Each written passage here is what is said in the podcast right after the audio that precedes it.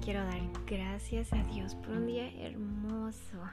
Y ah, bueno, de nuevo estoy aquí queriendo compartir un poco más sobre el tema de las fortalezas humanas. Y pues quiero decirte que son las que no cambian a lo largo de la existencia de la humanidad. Pasan siglos y siglos y prevalecen en la historia en todas, en todas las culturas.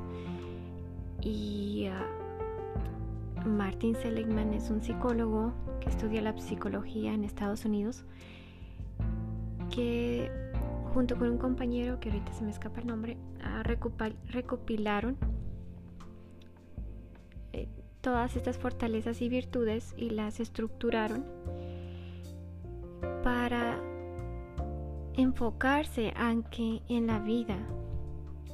Pensar positivo no es una pérdida de tiempo o algo que es exclusivo de ciertas personas o que es exclusivo de cierta etapa de tu vida, sino que ser positivo es algo que puedes ir cultivando en ti, ir desarrollando, ir aprendiendo e ir compartiendo con los demás la bondad de tener fortalezas de carácter en ti y virtudes, irlas heredando también en la familia. siempre las consecuencias de nuestros actos tienen resonancia en la historia familiar. Eh, lo puedes ver en la psicología o los psicólogos me pueden apoyar en esto y marcan una pauta de rumbo, incluso en la familia, un destino. A veces no nos damos cuenta, pero estamos nosotros mismos eh, siendo una cadena de esos comportamientos familiares para bien o para mal propio. Entonces es bonito saber que tu presente, en tu presente, en el aquí y en el ahora, tienes a tu disposición hacer esos cambios o enfocarte en las cosas buenas de ti y desarrollar unas nuevas que, que tú pensabas que no podías o, o, que, o que ya no te competía a ti, sino que sí, sí se puede. Requiere requiere que reconozcas que sí se puede. Es muy importante. Mm, entonces, digamos que me voy a enfocar ahorita en el, ah, en el perdón, en la fortaleza del perdón. Y digamos que venimos de una familia donde jamás se había dicho el perdón, porque había mucho, mucho dolor y entonces el perdón es como que ya no es suficiente la palabra o eh, no se quiere otorgar por el orgullo, es muy grande. El dolor que ya no se quiere otorgar el, perdón. Y entonces pasan muchas, muchas situaciones, pasa mucho tiempo, muchos años y ocurre distanciamiento, pues porque nunca se practica el perdón y se piensa que pues es algo que no es de esa familia. Entonces también implica una, un romper paradigmas, es decir, romper creencias, romper ideas de que no es así y de que es en el aquí y en el ahora en cualquier persona que se puede hacer un cambio. Y requiere de las fortalezas como de humildad, de prudencia, y de autorregulación. La autorregulación se me hace muy interesante porque esta no, no es exclusiva de los niños. A los niños se les enseña su autorregulación corporal, que es para controlar sus, controlar sus movimientos de a qué horas orinar, a qué horas ir al baño y luego autocontrolarse en cuanto a los berrinches, pero parece que que no estamos muy conscientes de que también se tienen que autorregular las emociones. Y muchas veces como no se aprende eso o, o no se o no se da en la familia por X y Y, se va, se van los años y puedes tener 60 años, puedes tener 80 años, 30, ser padre o ser un gran empresario, o ser quien seas, no, no es exclusivo. Y darte cuenta que a veces te cuesta regular ciertas emociones, como porque estas están ligadas a un dolor en tu vida. Entonces saber que puedes tú regularlas o sea que ya no tienes que ser víctima de ese recuerdo doloroso, sino que tú misma puedes decir, ok, a partir de ahora ya no voy a reaccionar de manera o ya no voy a reaccionar de manera ah, como intolerante o ya no voy a reaccionar con estas eh, expresiones o ademanes o palabras, sino que ahora voy a guardar silencio, voy a, voy a, no a expresar, voy a a contener. Es como una soda. La agitas, la agitas, la agitas y luego la destapas. Y todo eso que se cae es no regularse. Pero al, contener la tapa es regularse. Y eso te va a llevar a la prudencia. Y la prudencia va a ser que hay momentos donde van a ser necesarios que te expreses y hay otros momentos en los que no. La prudencia es saber, es, va muy ligado con la autorregulación, donde a veces no es inteligente, digamos, decir la verdad o decir las cosas con tanto efusivo porque es, es, básicamente derrochar esa soda. A veces tenemos que ser como amables con la otra persona para saber que hay un momento especial.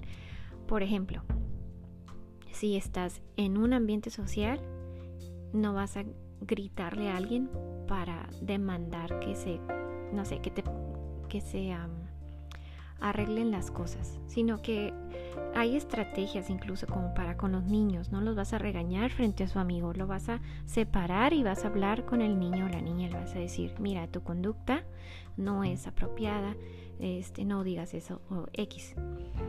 O con tu pareja, si estás en un ámbito social, no se van a poner a discutir frente a todos porque pues no es el momento. Entonces es guardar la prudencia y saber que ese tema se va para otro momento. Ah, hay personas que les gusta ser así como que en el momento. Ok, de acuerdo, si, si esa eres tú. Entonces es muy importante que sepas elegir las palabras eh, desde ser, que, tengas en mente el respeto, que tengas en mente la educación y la amabilidad, ser cortés. No tengo problema con que se hablen las cosas en el momento, pero mientras se maneje ese respeto por la otra persona, ya te estás también guardando respeto a ti mismo. Y eso es una autorregulación muy importante que que te va a dar paz porque te mantienes auténtico, te mantienes auténtica, eh, no te estás suprimiendo, no te estás oprimiendo o guardando, sino que te estás tú diciendo conscientemente estás estás consciente de que hay que regular como cuando regulas el volumen o el fuego en ti y saber que no va a ser efectivo si tú le sueltas toda la llama. O sea, porque es como querer cocinar algo muy... Que, que, traes la prisa por cocinar un arroz y tú le subes la flama porque piensas que así va a estar más rápido, va a estar bien. Pero en realidad no, hay cosas que requieren cierta temperatura. Entonces, igual hay ciertos temas que requieren cierta energía tuya. Y es muy importante saber cuánta energía tú le vas a dar a algo y si te va a a dar un buen resultado. Entonces enojarse y soltar los estribos requiere de mucha energía. Y esa energía, si te das cuenta, la puedes usar también de manera positiva. Entonces eso va a implicar otra fortaleza que se llama diligencia. Entonces es estar consciente de que ese no va a ser el momento, ni que lo vas a arreglar de, de cierta manera como antes, sino que esta vez conscientemente vas a regularte y vas a pensar en ti y evaluar la situación y enfocar tu energía. Porque si vas a derrochar esa energía, pues es como soltar toda esta furia, pero no conseguir un resultado favorable hacia ti. Y entonces, pues es un desgaste. Y es un desgaste que puede seguir por años y que luego te lleva a la depresión porque como no consigues resultados, pero sí te expresaste, pero no fue efectivo, eso genera como, pues, no sé, como un sentir de que no eres escuchada, escuchado, o eh, las personas pasan sobre ti y, y, es, y eso es doloroso, es doloroso en el ser. Entonces, saber regular, saber regular tu energía es, es estar consciente de que no siempre es necesario toda esa fuerza tuya. No siempre es necesario porque si piensas un poco más la situación, hay veces hay que valorar si, si vale la pena discutir ese asunto. Es como escoger tus batallas, es escoger en ese momento lo más por lo, por lo poco. Eh, y es muy importante para sobrellevar tus relaciones con los demás y mantener una armonía sin dejar a un lado que tú eres importante y que valores eso, que valores mm, que hay que escoger el momento adecuado para, para ser escuchados o darse a escuchar de una manera efectiva. Y perdonar. Perdonar siempre se, se habla hacia, hacia otra persona que te hizo un mal a ti. Y esta vez yo quiero enfocarme, perdonar hacia ti, de ti para ti. Porque pues eh, yo me pongo a pensar todas esas veces que, que yo no me autorregulé y entonces yo me solté como esa soda o le subí todo el fuego y hablé de más y entonces lastimé a otros y también en el inter me lastimé a mí y pasa el tiempo y, y no sé, no hay perdón.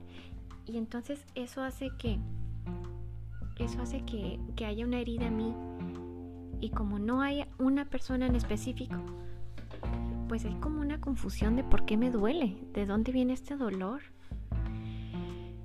Y viene pegando en, la, en el autoestima, entonces eh, siento que es muy importante perdonarse a uno mismo, porque las palabras y las voces muchas veces son de uno mismo hacia con uno mismo y es muy importante perdonarse, tenerse autocompasión, porque pues también estamos aprendiendo, no importa tu edad, vamos aprendiendo, hay muchas cosas que aprender en la vida, hay muchas cosas que eh, damos por sentados, pero hasta que uno los experimenta comprende la lección. Una cosa es leerla y otra cosa es experimentarla. Entonces, una persona que haya leído mucho sobre cómo ser mamá, no es lo mismo hasta que es madre. Aunque haya leído un montón de libros sobre el tema, no es lo mismo. No es lo mismo saber cómo aventarse de un avión o aventarse de, de una liga del bungee jump hasta realmente llevarlo a cabo. Yo, por ejemplo, me acuerdo cuando me aventé del bungee jump, pues había calculado todo, según yo, y, había visto muchos videos y, había creído que, que en el camino podía gritar y iba a ser divertido. Pero justo cuando estaba arriba tuve mucho miedo y cuando logré aventarme y yo pensé que iba a poder disfrutar la caída y que iba a disfrutar gritando la caída. Me di cuenta que era tanta la presión y la velocidad que no podía ni gritar. Entonces eso me impresionó en el instante. O sea, fue como, ah, no puedes gritar cuando brincas y caes de caída. yo pensaba que podías ir cayendo y gritando y no es así, es tanta la presión que no puedes, no puedes hacerlo. O, o, es así, ¿no? Es así la vida. Hay muchas cosas que, que se necesitan realmente vivirlas para entenderlas. Y así son las fortalezas y las virtudes. Es necesario llevarlas a cabo en ti para entenderlas, para comprenderlas, para discernirlas, o sea, decir, asimilarlas en tu vida. Y por eso pienso que el perdón es muy importante porque cuando estás llevando a cabo las fortalezas y las virtudes, te das cuenta de muchas veces que pudieses haber aplicado esas virtudes y esas fortalezas o que digamos, la estás la, acabas acabas de leer del tema o acabas de escuchar del tema y te equivocas, o sea, te, te, te vuelves a tropezar y, y a mí me pasa. Y yo lo tomaba mucho a peso, era como, no, pues jamás voy a poder lograr esto. O sea, era como algo así. Esto no va a ser para mí. O sea, era una creencia. Esto no, no va a ser posible que, que yo pueda ah, aprender estas fortalezas porque de plano, o sea, me equivoco y caigo el mismo rollo. Pero hay un momento de mi vida que, que me di cuenta cuando me tocó ser madre y ver a mis hijas aprender. Entonces te das cuenta cuando ves a los niños cómo se están equivocando constantemente. Y me, y me tocó observar esa parte donde la maestra pues enseña con esa conciencia de que el niño se va a equivocar. Entonces es como, está bien, tú simplemente inténtalo otra vez. Y fue así como, ¿what? Entonces quise aplicar esa lección en mi vida en cuanto a fortalezas y virtudes de que pues está bien, o sea, me equivoco y pierdo mi autorregulación, autorregulación, pero hay que volverlo a hacer, hay que volver, volverlo a practicar y se va volviendo un hábito. Y no voy a decir que soy una maestra de la autorregulación, pero sí sé que ah, pues llevo más con, lleva más ah, práctica, entonces eso me da una, una experiencia de que sé ahora qué logro en mí cuando yo me autorregulo. Sé ahora en mí qué pasa cuando yo ah, tomo conciencia del momento, me pongo en el momento presente y me controlo. Y no es que me estoy privando, eso es algo que también he aprendido, no me estoy privando de la del momento o de las cosas, sino que estoy entendiendo que, que es como cuando estás cocinando, si le pones mucho fuego, ¿qué va a pasar? Si le quitas fuego, ¿qué va a pasar? Entonces es como saber irse conociendo a uno mismo también en el momento presente con las situaciones.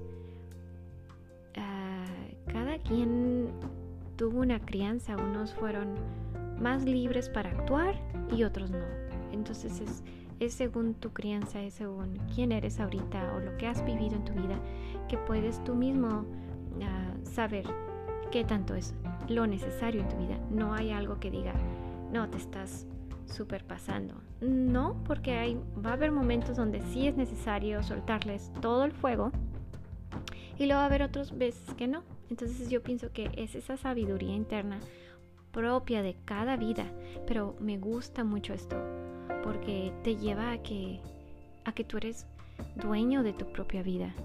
Y entonces, con los resultados de que si estás feliz o no, vas a saber si, si, si te vas autorregulando bien, si, si estás midiéndote bien esas, esas emociones, cuáles más te gustaría adoptar, cuáles más te gustaría aprender en ti.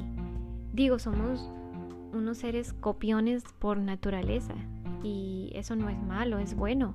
Yo pienso que es bueno sobre todo cuando estás copiando cosas que favorecen tu vida y no cosas que son destructivas de tu vida, porque saber que todo lo que haces o llevas a cabo tiene un efecto en tu entorno, y es en tus entornos social o en tu entorno ya está cultural, ah, por medio de las redes sociales, o sea, también ahí hay un efecto que se amplifica más ahora.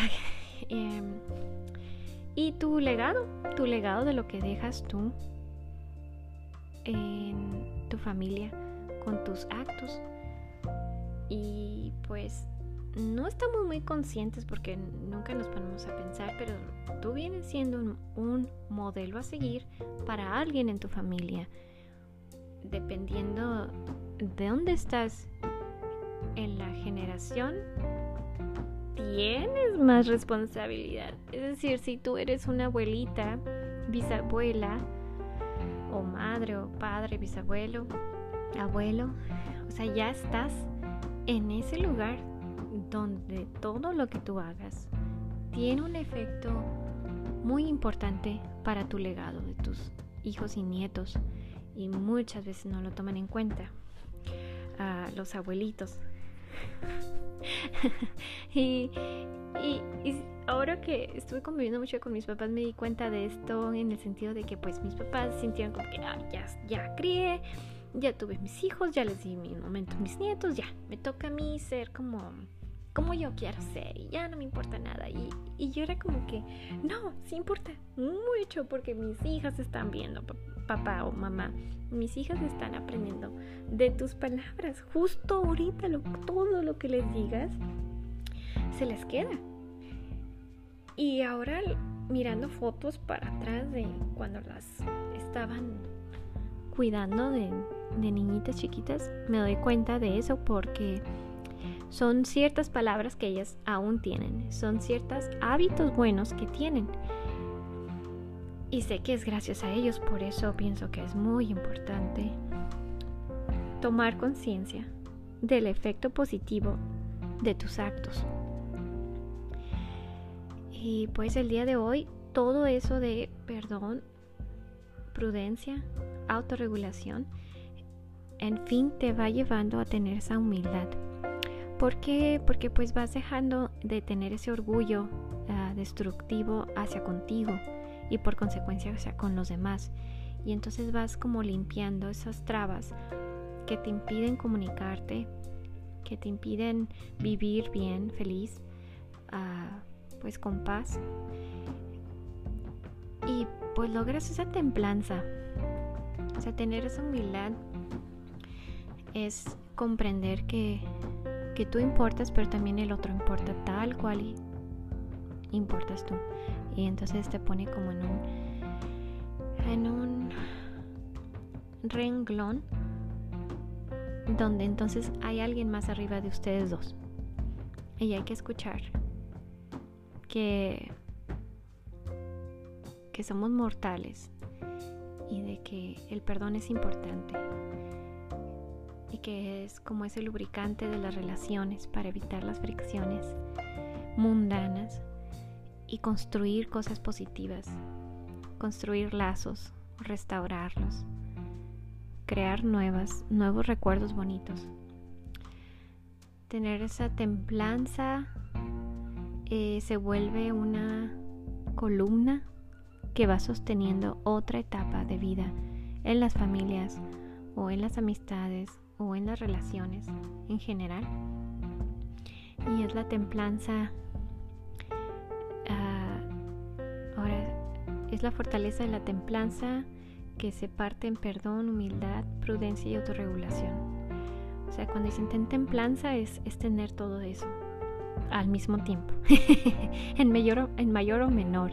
Entonces, cuando no hay templanza, eh, pues digamos que no es tan fácil tener esa paz, porque pues no sabemos por qué estamos enojados, pero es bueno pararse, es bueno pensar las cosas.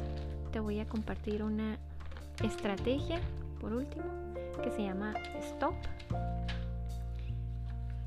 Y es una técnica, se llama stop. Es, parar, respirar y es observar. ¿Qué estás asumiendo? Y luego es proceder. ¿Cómo vas a actuar?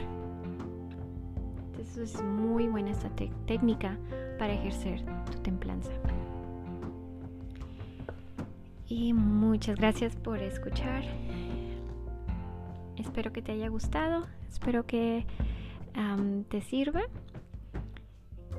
Y saludos, muchos saludos. Muchas gracias. Gracias por escuchar, la verdad. Estoy muy asombrada por el apoyo. Estoy muy agradecida. Y que se multiplique más de esto. Gracias.